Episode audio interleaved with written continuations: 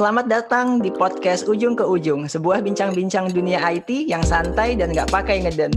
Bersama saya Asep Bagja dan saya Radita Lim, kita akan ngobrol dari ujung ke ujung berbagai topik di dunia IT. Halo lagi semuanya, selamat datang di podcast Ujung ke Ujung, bincang santai tentang dunia IT yang nggak pakai ngeden. Kali ini kita balik lagi ya, cuma ngobrol-ngobrol berdua antara aku, Adita, sama Asep di sini. Halo semuanya. Nah, uh, Asep, kita mau ngomongin topik yang aku paling sering denger nih di mana-mana. Gimana sih caranya jadi pemrogram yang tidak punya background IT? Karena lo nih nggak nggak punya background ya, IT ya. Kuliah apa banget sih ini. Kuliah dulu accounting. Oke okay deh. Jadi uh, aku kuliahnya itu di accounting di Jogja di Universitas Islam Indonesia. Uh, lalu untuk IT sendiri sebetulnya itu sudah passion dari bisa dibilang dari kecil karena aku kenal komputer juga udah cukup lama dari sekitar kelas 3 SD. Itu waktu pertama kali bapakku bawain laptop Toshiba Pentium 100. Nah, itu pertama kali aku dikenalin kayak belajar soal Microsoft Word, terus Excel, terus bikin-bikin presentasi dengan clip art dan word art gitu deh.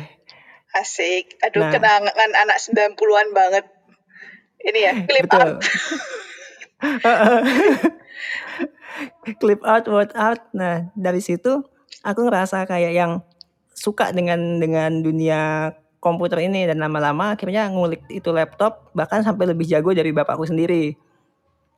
Lalu uh, seiring waktu aku mulai belajar banyak hal kayak ngulik-ngulik di Adobe Photoshop, terus juga ngulikin apa ya Corel Draw kalau nggak salah zaman dulu itu. Lalu iya. main-main game uh, mulai dari game DOS sampai game-game di Windows 95 Nah, lalu setelah itu pas ketika SMA tuh aku di apa ya? sama guruku di, dilihat kayaknya nih anak kayak berbakat banget dan passion banget di komputer dan akhirnya waktu itu aku dikasih buku judulnya aku lupa judulnya apa pokoknya tentang pengenalan algoritma pada pemrograman komputer gitulah. Pucuk, ini kebanyakan kayaknya I don't know uh, beberapa temen aku kuliah IT ya itu masuk bener-bener blank loh nggak nggak ngerti apa-apa. Tapi ya maksudnya nggak masalah sih menurut aku uh, masuk mm -mm. kuliah IT itu udah paham semuanya atau baru mulai sama sekali blank dua-duanya juga bisa sukses itu ayo yeah, lanjut chat uh -uh. jadi gimana? Pengantar algoritma ini berguna nah, pengantar algoritma itu bukunya agak tebal tuh kayak buku beli di Gramedia yang terbitanya siapa sih itu yang yang zaman dulu itu banyak banget lah pokoknya. Nah itu aku disuruh baca buku itu terus disuruh praktekin karena mau diikutkan Olimpiade komputer tingkat SMA nah hmm. jadi pertama kali akhirnya belajar pemrograman tuh Pascal dengan buku dengan berbekal buku itu. Dan ini yang ngenalin pemrograman itu juga sebetulnya guru akuntansi juga kalau di sekolahku dulu. Jadi kebetulan beliau ini uh, sudah mm-hmm. apa ya suka komputer juga dan dia yang megang lab komputer lah di sekolah di SMA aku. Nah dia yang ngenalin. Lalu uh, aku sempat ikut apa Olimpiade komputer. Lalu setelah itu cuma nyampe tingkat provinsi. Tapi habis itu aku jadi kayak yang cinta banget sama yang namanya pemrograman kok seru gitu bisa bikin-bikin aplikasi kecil-kecilan. Dulu tuh aku bikin kayak apa ya buat rumus-rumus buat nyelesain soal fisika atau matematika pakai Pascal gitu. Terus lama-lama nge oh iya itu waktu sekitar kelas itu kelas 2 SMA. Lalu setelah itu kan pas ke kelas 3 kan milih antara IPA atau IPS. Nah, itu aku emang yang niat banget aku mau masuk IPS aja. Walaupun guruku waktu itu ada yang bilang, kenapa nggak ke IPA aja kalau emang suka kayak gini. Hmm. Nah, Jadi kenapa, tetap kekeh, tetap kekeh, ke, apa, kekeh pengen masuk IPS karena ngelihat anak-anak IPS tuh santai-santai gitu loh. ada yang bolos, terus pulang lebih cepet, pelajaran-pelajarannya nggak banyak hitungan, pokoknya kayak gitu-gitulah. Asik.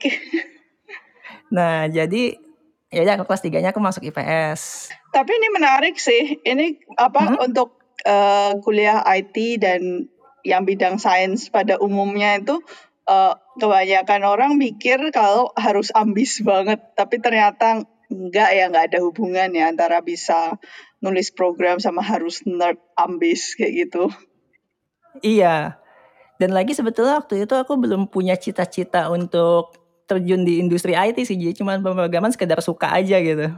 I see. Nah, pas kelas 3 SMA itu aku nge apa namanya pengen belajar pemrograman baru bahasa bahasa baru. Dan aku ngelihat kok kayaknya asik ya kalau bisa bikin apa namanya software yang dijalaninya bukan di konsol gitu.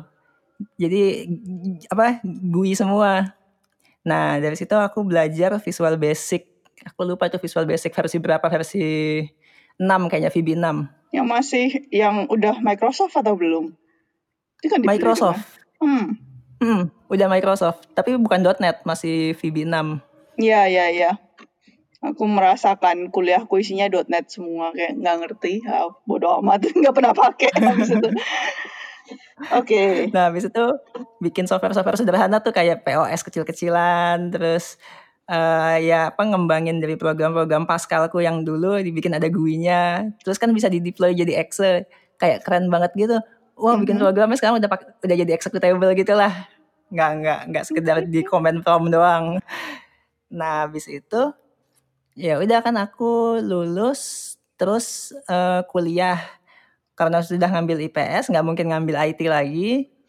Jadi dulu tuh aku kuliah pilihanku adalah kalau nggak ekonomi pembangunan akuntansi atau komunikasi dulu pengennya itu terus karena akhirnya SPMB aku nggak masuk di apa di negeri kan targetnya pengennya di Bandung terus mm -hmm. orang tua mm-hmm. nyuruh ya udah pokoknya kalau swasta nggak boleh di Bandung harus di Jogja ya udah akhirnya aku uh, ambil UII karena mm -hmm. kakak-kakakku semua di UII semua oh dan semuanya akuntan jadi kakakku dua itu akuntansi bapakku juga auditor lulusan stan dulunya wah itu apa sekolah idaman Indonesia Raya stan iya. Terus ya udah aku masuk jurusan akuntansi. Hmm. Pas udah masuk jurusan akuntansi ya ngelihat mata kuliahnya itu kan kayaknya apa ya eh, penuh dengan hitungan dan angka-angka gitu. Terus ada mata kuliah yang namanya sistem informasi akuntansi dan juga akuntansi komputer. Nah di situ tuh aku ngerasa yang ini tuh kayak aku banget gitu loh uh, jadi aku aku ngerti kayak paham banget apa yang sudah dipelajari waktu SMA dulu soal pemrograman, terus tiba-tiba masuk ke akuntansi komputer dan sistem informasi akuntansi kayak yang oh iya ini ternyata lanjutannya kayak gini. Berarti ngerjain apa tuh? Uh, aku aku gini-gini kan kan soalnya kuliahnya sistem informasi. Jadi pernah dapat hmm. ada pelatihan MYOB. Itu ya? Hmm. Iya, semacam kayak gitu. Jadi kayak kita bikin-bikin flow chart juga tuh. Iya, iya, iya, benar. Uh, terus yang akuntansi komputer itu dulu diajarinnya bikin database pakai MS Access. Jadi kan UI banyak Microsoft semua. Mm-hmm. Jadi kita pakai MS Access. Terus aku yang ngerasa, oh aku dulu pernah belajar VB dan kayaknya mirip-mirip deh sama aja. kayak gitu. Okay. Jadi ya, ya udah uh, menurutku akuntansi dan komputer itu kayak yang ya udah saling berhubungan. Nah, mm-hmm. terus aku tapi itu udah selama semester 1 sampai 3 itu aku sebenarnya udah nggak nyentuh pemrograman lagi, udah kayak yang apa ya males gitu lah. Mm-hmm. Cuman paling sempat nyentuh HTML, CSS gara-gara zaman-zaman Friendster dulu kan. Mm-hmm. Iya iya iya. Hias profil. Ha. Betul. Nah, Terus habis itu nggak nggak pernah nyentuh pemrograman sama sekali. Baru pas semester 5 pas sambil ini apa namanya sambil mulai siap-siap skripsi. Nah, aku mulai belajar pemrograman pakai PHP. Itu cuman karena ngelihat aku kayaknya pengen bikin apa namanya gimana caranya bikin software yang bisa jalan di web dan okay. waktu itu dengar-dengar PHP kan buat mm -hmm. buat bikin begituan. Nah, aku belajar tuh PHP 3. Terus sambil kuliah semester 5 aku dapat klien pertama teman sendiri, dia pengen bikin website untuk aku lupa. Oh ini, untuk furniture. Jadi dia punya perusahaan mebel di Jepara. Ininya keluarganya. Nah dia pengen bikin websitenya dalam dua bahasa Indonesia Inggris. Ya udah waktu hmm. itu aku kerjain deh itu sebagai klien pertamaku. Dibayar dua ratus lima puluh ribu tuh tapi kita aku maksudnya gini uh, klien pertama tuh kayaknya selalu datang ketika zaman sekolah ya zaman kuliah. Iya mungkin karena ini ya anak kuliahan itu bisa dibayar murah gitu kan? Iya tapi menurut aku ini uh, kayak pekerjaan pertama kayak gitu tuh game changer sih. Tiba-tiba jadi connect apa yang dipelajari sama keahlian yang diasah sebelumnya itu tiba-tiba jadi tahu kalau oh ternyata orang butuh terus butuhnya seperti apa. Itu karena kita datang dari pekerjaan pertama pekerjaan freelance pertama yang receh-receh kayak gini pengalamannya iya, lebih emang. gede daripada duitnya uh, emang sih. Jadi dari situ aku juga langsung kayak yang tahu gimana caranya apa ngaplikasiin ilmu yang HTML, CSS lu pas belajar di Friendster terus digabungin dengan PHP sampai jadi website dinamis, itu langsung jadi, jadi tahu gitu. Oke. Okay. Nah, dari situ itu yang aku jadi terpikir cita-cita setelah lulus aku mau kerja jadi web developer aja. Terus uh, orang tua gimana nih? Oh, itu orang tua belum tahu. Jadi Uh, ya udah aku kuliahnya terus sampai sampai selesai, sampai lulus. Begitu lulus dapat surat keterangan lulus, aku langsung bilang aku langsung ngelamar ke satu studio web development di Jogja. Itu studio kecil sih sebetulnya. Mm-hmm. Dan itu ngelamar aku juga nggak pakai ijazah sama sekali. Jadi aku dapat dapat kerjaan, baru bilang ke orang tua, aku udah dapat kerjaan nih, walaupun belum wisuda. Tetapi uh, kerjanya di web dev di bidang development IT ya mereka sih baik-baik aja sampai sampai waktu itu saya masih masih oke-oke aja. Nah mulai mulai agak-agak ditanya-tanya itu begitu. Aku selesai wisuda terus sempat kuliah apa namanya bukan kuliah sih uh, sempat kerja enam bulan di studio web dev itu terus kan aku pindah ke Bandung masuk ke studio web development lainnya Nah, di situ aku mulai sering ditanya-tanya, "Kamu nggak mau jadi PNS aja nih?" Gak mau daftar-daftar jadi PNS kan sayang tuh ijazahnya ya, kayak gitu-gitu dan itu sering sekali, hampir hampir dua minggu sekali itu ditanyain gitu. Asik. Dan baru berhenti ditanyain itu setelah kita berdua ke SF. Oh, iya iya iya iya iya. Yang habis hackathon itu. Mm -hmm. Jadi padahal kan saat itu aku juga udah punya perusahaan sendiri ya. Iya. Udah punya udah punya Amazing Milk. Tapi itu tuh sebelum ke sana tuh aku masih sering ditanyain gitu. Mm-hmm. Nah, nah tapi begitu bentar, bentar, dulu. Keluar, uh, mundur dulu nih kok uh, perjalanan karirnya kayaknya lumayan apa? Lumayan ada peningkatan yang melejit kayak gitu. Ini gimana? Uh-uh. Kebanyakan orang kan uh, ketika mereka pindah pindah pekerjaan, pindah bidang dari yang sebelumnya mereka kuliah terus uh, udah belajar susah-susah terus tapi pindah ke bidang lain kayaknya masa depan tampak gelap. Sebenarnya hmm. apa yang terjadi sih sampai dari dari tadi yang mulai mm, kerja pertama kali di web development studio lalu jadi hmm. punya studio sendiri. Nah, itu diceritain dulu baru kita lanjut ngomongin SF. Oh, oke. Okay. Jadi urutannya gini, habis lulus aku kerja di web development studio kecil di Jogja itu ngurusin PHP, pokoknya full stack sih sebetulnya mulai dari development dari desain, dari bikin PSD gitu sampai ngoding back end sampai jadi customer service. Jadi sebetulnya emang si studio ini tuh modelnya satu klien, satu orang yang handle dia mulai dari uh, ya mulai dari desain sampai jadi customer service-nya malah. Oh. Kayak gitu modelnya.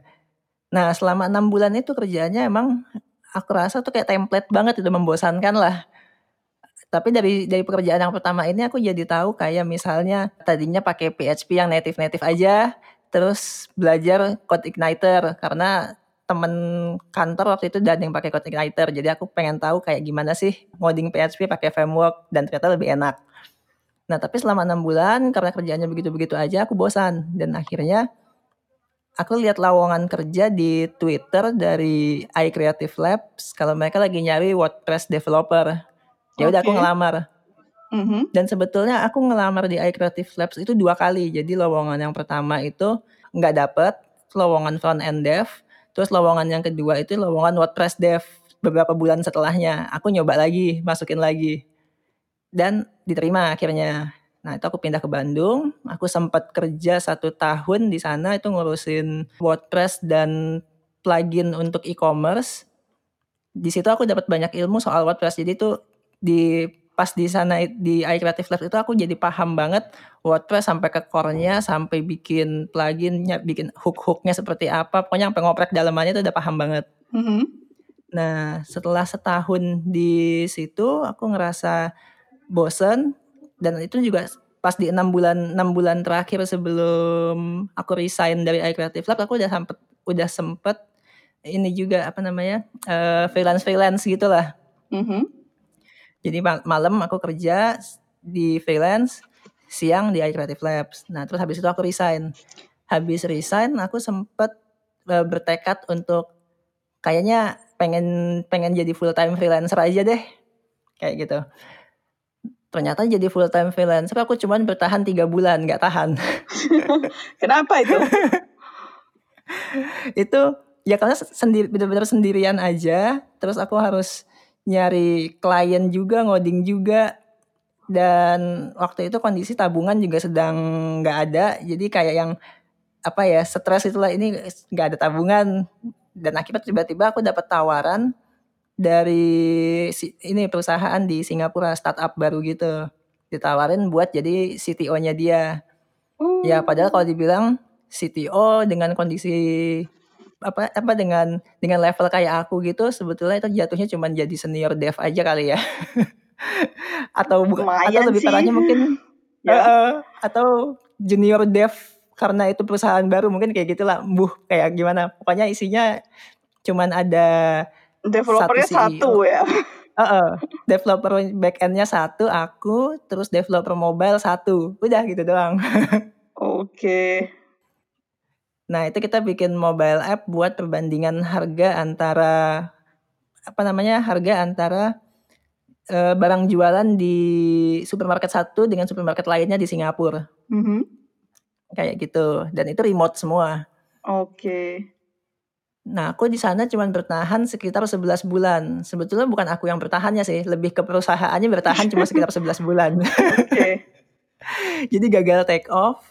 Eh, Mhm. mungkin dananya habis, dananya habis dan nggak dapat investment, nggak dapat investment sama sekali. Ya udah aku akhirnya eh, harus cabut dari situ dan kembali berfreelance ria lagi. Mhm. Tapi aku udah mikir, oh ternyata bikin startup itu eh, emang agak sulit kalau sendirian. Paling nggak harus ada beberapa tim. Mhm. Tapi dari situ aku juga jadi apa namanya punya cita-cita. Pokoknya aku harus punya perusahaan sendiri lah. Hmm. Nggak nggak udah udah malas kerja ikut orang lagi. Oke. Nah habis itu aku freelance terus ada yang ngontak itu yang jadi yang akhirnya jadi partner pertamaku di ini di Amazing Milk agency, digital agency. Kita Mhm. akhirnya partnerku ini orang marketing dan aku aku development. Aku bilang aku lagi nyari orang marketing buat bantu jualan dan dia bilang aku lagi nyari developer buat bikin tim. Lah kita bikin perusahaan bareng aja lah berdua kayak gitu. Nah itu jadi deh eh Amazing Milk Digital Agency itu yang akhirnya jadi cikal bakalnya si Froyo Kreatif Indonesia, Froyo Mhm. Story Oke. kayak Menarik gitu ya ceritanya. ceritanya. Oh iya. Jadi eh, setelah itu, jadi aku sebenarnya ketemu sama Asep ini lumayan lucu.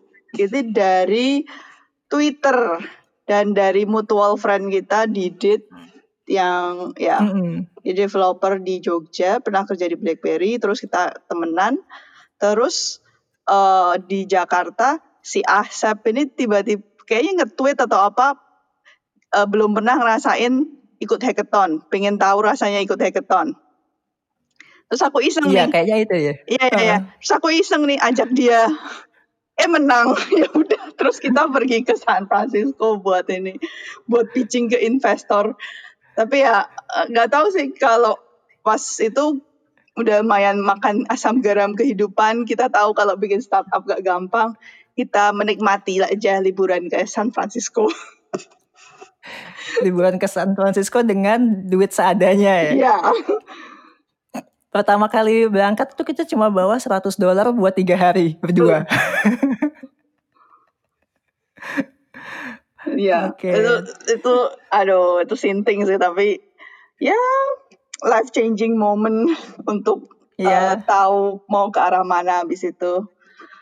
Mau tanya-tanya lagi nih. Tadi kuliahnya kan akuntansi terus perjalanannya panjang sampai udah punya perusahaan IT sendiri. Terus aku mau tanya tentang setelah melihat semua perjalanan ini, ngerasa menyesal nggak sih dulu kuliah akuntansi atau harusnya nggak kuliah aja? Enggak sih, justru aku malah jadi bersyukur yang tadinya tadinya sih aku berpikir aku ngapain ngambil kuliah akuntansi ya, kayak nggak guna. Tapi ternyata begitu bikin perusahaan sendiri, apalagi setelah eranya Froyo, kalau mm -hmm. Froyo kan itu masih ada partnerku si Andika yang banyak ngurusin bisnis. Tapi begitu aku akhirnya exit dari Froyo dan bikin perusahaan baru lagi yang namanya Tani Box, Mm -hmm. itu aku yang lebih ber, akhirnya malah bersyukur aku kuliah akuntansi dulu. Kalau aku nggak kuliah akuntansi, justru aku nggak ngerti bisnis itu harus kayak seperti apa. Oke. Jadi gimana cara bikin financial projection, terus gimana cara bikin apa namanya uh, pitch deck yang jelas ada angka-angkanya keuangannya seperti apa, terus bagaimana soal pembagian saham, yang pokoknya hal-hal yang seperti itu, itu sebenarnya di akuntansi udah dibahas semua gitu. Oke. Dan di situ aku malah jadi bersyukur. Aku dulu kuliahnya akuntansi. Ini jadi kayak ini ya, everything happens for a reason ya. Iya. Oke. Hmm, menarik Mungkin nih. kalau kerjaan kalau kerjaan IT ku itu kerja ikut orang di satu perusahaan dan aku cuma ngoding aja, mungkin aku masih merasa akuntansi nggak berguna. Tapi begitu sudah posisinya Mhm. saat seperti sekarang berbisnis, aku ngerasa ya akuntansi ini berguna. Justru kalau aku kuliah IT mungkin nggak akan seperti ini gitu. Ya, fair enough. Tapi pernah ngerasa nggak sih eh, ada apa sih apa sih yang kurang karena tidak kuliah IT ini atau ya? Ada. Mhm. Jadi yang pasti kemampuan teoriku di apa namanya computer science nggak bagus-bagus amat. Jadi aku kebanyakan kalau ngoding ya apa ya kayak trial and error zaman dulu tuh kayak gitu. Sampai akhirnya satu titik harus ngerti apa itu struktur data, apa itu algoritma yang pokoknya hal-hal yang ada di computer science gitu. Mhm. Mau nggak mau aku harus belajar sendiri supaya paham. Itu belajar sendiri juga karena apa ya karena ya karena otodidak jadi nggak terstruktur jadi aku cuma ngambil dari satu artikel lain ke artikel lain atau baca PDF-nya siapa yang kayak gitu gitulah Mhm. buku-buku buku-buku yang aku download download sendiri dan coba dibaca sendiri Mhm. jadi agak ngacak gitu mungkin akan beda dengan teman-teman yang kuliah IT dari awal mungkin teorinya jadi lebih bagus fondasinya Oke. Kan banyak kan orang ngomong apaan sih ini kuto- teori doang, praktek. ah. ternyata nggak gitu-gitu banget ya, Sam. nggak gitu-gitu banget. Kalau sudah kita udah ngomongin optimisasi atau yang kayak pokoknya hal-hal yang detail banget, ya teori itu penting sih. Oke. Sekarang kerjanya ngapain, Sam? Tadi sempat ngomongin soal tani box tapi kurang detail nih. Tani Box itu kan fokusnya di agrikultur. Jadi kita bikin apa ya? Bikin software untuk monitoring dan juga untuk manajemen perkebunan. Jadi ini awalnya juga hobi dari istri yang akhirnya jadi co-founder juga ngurus apa di Tani Box. Dan ya itulah kita banyak banyak sekarang banyak riset-riset soal tanaman, terus soal remote sensing seperti apa. Dan ini yang aku bilang tadi, kenapa teori itu penting untuk untuk Mhm. belajar IT karena kayak sekarang kita banyak aku lagi banyak ngoprek soal apa namanya remote sensing pakai satelit kan. Mhm. Eh, gimana caranya dari satu apa dari data satelit kita pakai Sentinel terus bisa tahu NDVI-nya seperti apa itu indeks vegetasi Mhm. supaya tahu plant health terus gimana ngitung nitrogen di tanah cuman dari satelit Mhm. Dan itu semua uh, nyari taunya kan dari riset baca paper dan riset-riset orang Mhm. yang penuh dengan matematika gitu aku langsung merasa ini sulit kalau dikerjain sendiri Oke. belum lagi kalau kita ngomongin IoT kan aku dari Tanibox juga lagi mainan IoT juga Mhm. jadi kita pengen pengen nantinya data-data yang dikeluarkan dari sensor itu bisa bikin apa bisa pakai machine learning gitulah Mhm. supaya tahu kondisi op- paling optimal harus seperti apa sih untuk satu tanaman. Mhm. Nah, aku mencoba belajar machine learning sendiri dan puyeng. Oke. yang yang akhirnya aku cuma bisa nulisin konsepnya seperti apa dan mungkin Mhm. nanti harus hire orang supaya bisa bikin Oke. itu. Tadi kan udah ngomongin Tani Box, terus udah tahu ada kesulitannya. Pernah kepikiran nggak sih pengen kuliah IT di titik ini supaya apa menutup kelemahan tadi? Kalau kepikiran sih sebetulnya ada dan dulu juga malah sempat apply buat beasiswa Fulbright gitu kan di yang yang di US itu. Mhm. Tapi setelah dari situ dan ditolak, terus habis itu malah bikin perusahaan sendiri lah, bikin perusahaan sendiri. Akhirnya malah jadi sampai sekarang terpikir kalau aku kuliah lagi bisa nggak ya ngebagi waktunya antara berbisnis sama kuliah gitu. Oh. Terus kalau kepikiran kuliah lagi juga aku malah jadi terpikirnya kayaknya aku mending advancing kuliahku di bisnis agaknya seperti itu. Mhm. Karena kalau untuk yang IT secara secara betul-betul jadi detail computer science gitu kayaknya mending aku hire orang aja deh yang lebih jago dan udah ngerasa kayaknya aku kalau Mhm. ngurusin matematika yang begitu menjelimet juga nggak akan mampu otaknya. Oke. Jadi kayak ya udah mikirnya seperti itu sekarang sih. I see. Menarik nih. Iya sih, kayak pertimbangan orang juga kalau kuliah IT, kuliah lagi, itu nanti Hmm. bakalan susah bagi waktunya ya, terutama kalau misal ya kayak kamu ini Sep, yang mau bikin Hmm. bisnis baru.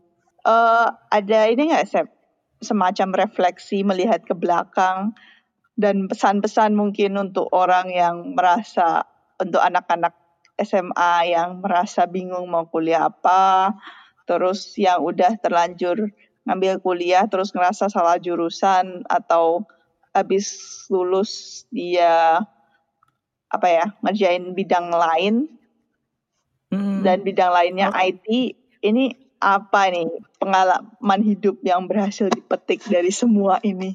Kalau buat anak SMA yang baru mau kuliah, ya menurutku gini, kalau misalnya kamu ngerasa banget pengen apa ya, pengen terjun ke industri IT, ya mending ambil computer science sekalian gitu dari dari awal. Karena itu betul-betul membantu banget saat ngelamar kerja. Soalnya waktu ngela kalau ngelamar kerja kan walaupun katanya nggak dilihat lulusan mana atau jurusan apa, yang penting portofolio, sebenarnya enggak juga. Ada beberapa hal yang satu jurusan itu penting. Apa, Mhm. eee, satu jurusan peker pekerjaan dengan kuliahnya itu penting. Kayak misalnya waktu aku di apa namanya, di startup yang di Singapura itu, Mhm. tadinya si owner-nya pengen ngebawa aku, udah sekalian aja tinggal di Singapura, apply visa kerja, kita kerja bareng di sana. Cuma permasalahannya waktu itu mentok adalah justru di urusan visanya itu sendiri. Jadi pemerin dari pemerintah eee, pemerintah ngelihat aku background-nya akuntansi, tapi pekerjaan yang mau dilakukan di Singapura adalah IT dan itu mentok, nggak nggak dapet visa kerjanya. Mhm. Makanya akhirnya full remote. Dan jadi dari sini aku ngelihat memang kalau sudah diniatkan untuk mau berkarirnya di IT sebagai yang praktisioner banget, eee, bukan praktisioner ya, apa yang secara profesional kerja di perusahaan besar, mendingan ya udah dari awal kuliah IT.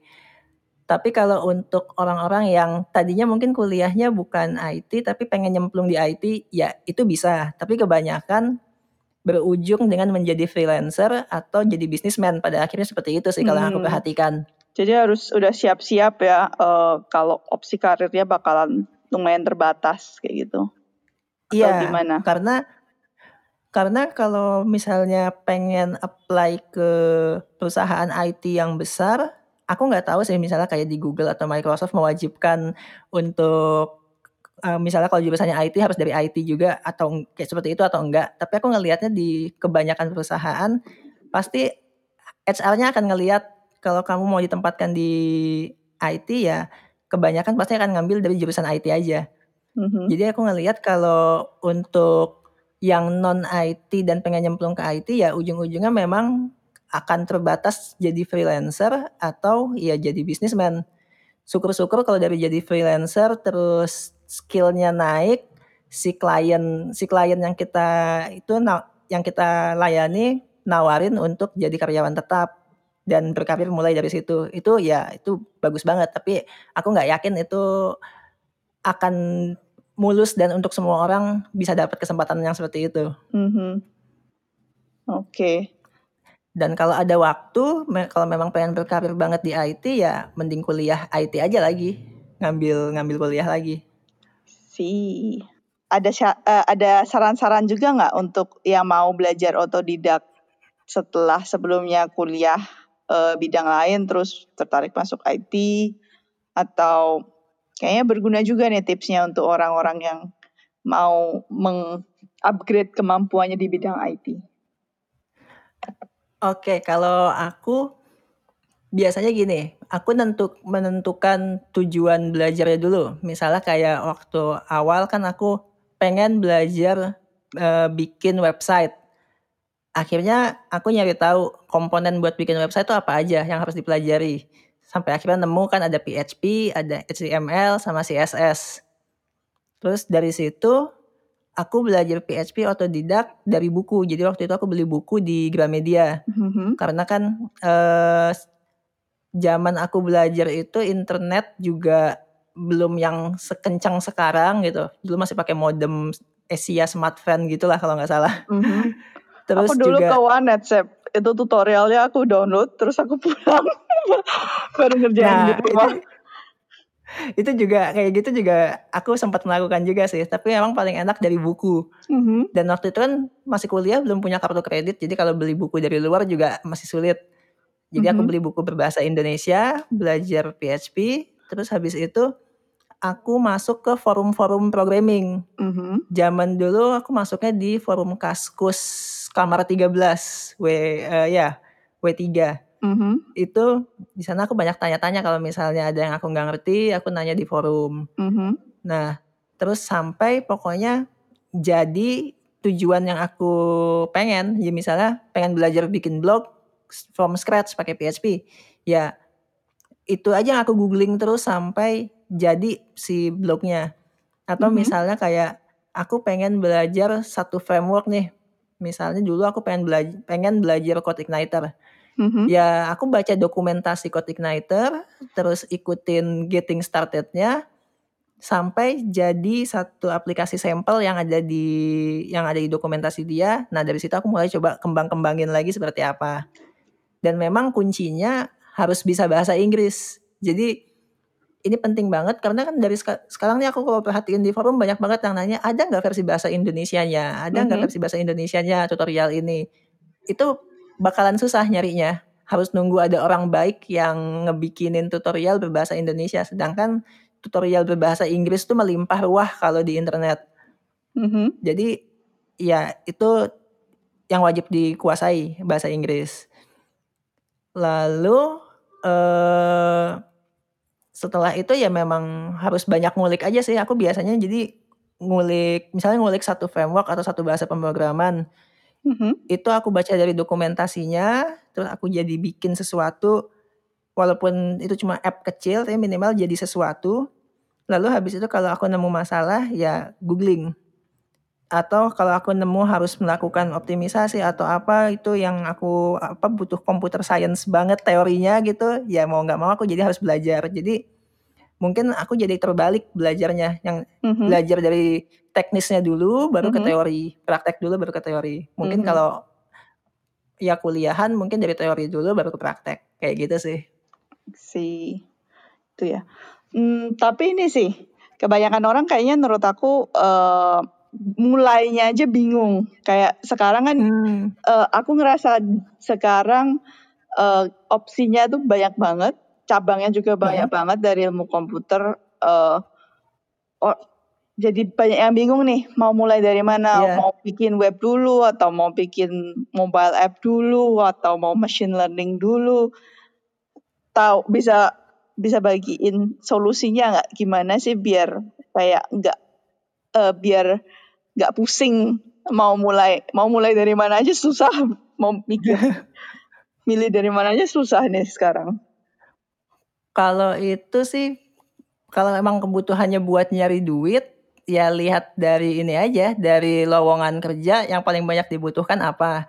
Atau kalau misalnya buat uh, nyarinya buat freelancing ya lihat di situs-situs freelance kayak misalnya di Upwork atau di apalagi sih freelancer.com ya udah banyak scamnya tapi. Uh, apa namanya?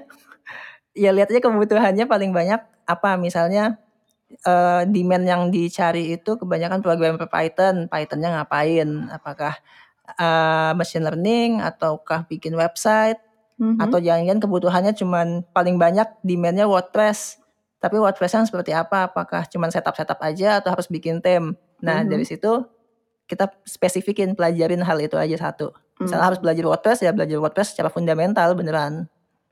Oke. Okay. Bikin theme seperti apa, bikin plugin seperti apa, kayak gitu. Nanti lama-lama akan ini sendiri sih akan uh, ngulik hal yang lain lagi. Misalnya tadinya nggak ngerti PHP, tapi karena uh, mau nggak mau WordPress harus pakai PHP ya, nanti PHP-nya akan dalam sendiri. Oke. Okay. Gitu. Jadi satu hal akan menu, uh, membawa ke hal yang lain ya. Soalnya kan tadi Iya, pasti gitu. Iya, mulai dari visual basic sampai ujung-ujungnya IoT dan machine learning. Banyak orang aduh ini gimana nih belajarnya? Ya itu Iya sih. Ini bukan bukan bikin candi Prambanan, nggak akan jadi dalam waktu semalam. Tapi yang penting konsisten ya, Sep, atau gimana? Yang penting konsisten, Apa yang apa sih motivasimu yang bikin kayak tadi tertarik terus untuk belajar terus uh, mulai dari kelas 3 SD sampai sekarang kayak cukup istiqomah ya dengan ini jalurnya. Mm -hmm. Walaupun jurusannya beda. Ini apa ya motivasinya? Apa ya? Ya aku memang suka hal-hal yang berbau teknologi sih dan jadinya pengen selalu bisa uh, apa namanya membuat sesuatu yang canggih yang orang lain bisa memudahkan hidup orang lain gitu. Hmm. Dan karena apa namanya teknologi yang lain seperti misalnya electronic engineer atau machine engineering itu aku nggak mungkin nggak mungkin buat mempelajari itu dan emang nggak terlalu minat dengan hal-hal yang terlalu fisik seperti itu dan jadinya aku pikir teknologi informasi ya ini juga bisa menjadi apa ya bisa menjadi alat bantu buat orang-orang memudahkan hidupnya dan lagi aku lihat teknologi informasi plus akuntansi itu dua bidang yang nggak akan mati sampai tahun berapapun sih kalau menurutku. I see. Jadi itu ini ya uh, alasan kenapa dan motivasi kenapa bisa sampai di titik ini sekarang. Hmm. Nah ini mungkin aku punya saran tambahan nih kalau buat teman-teman yang udah kuliah IT dan udah kerja di IT terus pengen bangun bisnis. Nah ini kebalikannya, kalian harus belajar akuntansi. Oh, jadi sarannya emang harus jadi ini ya, harus belajar akuntansi ya. Iya, karena untuk ngerti mm-hmm. bisnis menurutku akuntansi udah pokoknya apa ya bidang yang itu kayak underlyingnya bisnis banget lah gitu. Mm-hmm. Ngomongin keuangan, finansial, seperti oh. apa sebuah perusahaan bisa berjalan. Oke, okay, jadi isi perusahaan memang nggak cuma ngoding aja sih emang. Jadi kita tutup aja ya Sep uh, bincang-bincang kita kali ini. Bincang mm -hmm. berikutnya kita bakalan ada bintang tamu lagi, Bintang kita tamu lagi. Iya gantian lah, eh, gantian kita ngasih wejangan, aduh bukan wejangan, membagikan pengalaman hidup supaya banyak orang tidak perlu jatuh ke selokan yang sama. Betul, betul banget. Itu eh, dan nanti akan ada bincang-bincang lagi di podcast kita selanjutnya. Oke. Ya. Dan jangan lupa ya subscribe podcast kita di Spotify atau di Apple iTunes Atau di Supaya- lainnya. Mm-mm, supaya nambah follower-follower kita dan makin banyak yang tercerahkan. Oke, eh, kita tutup aja. Sekian dulu. Sampai jumpa di podcast selanjutnya. Yo, bye. Bye.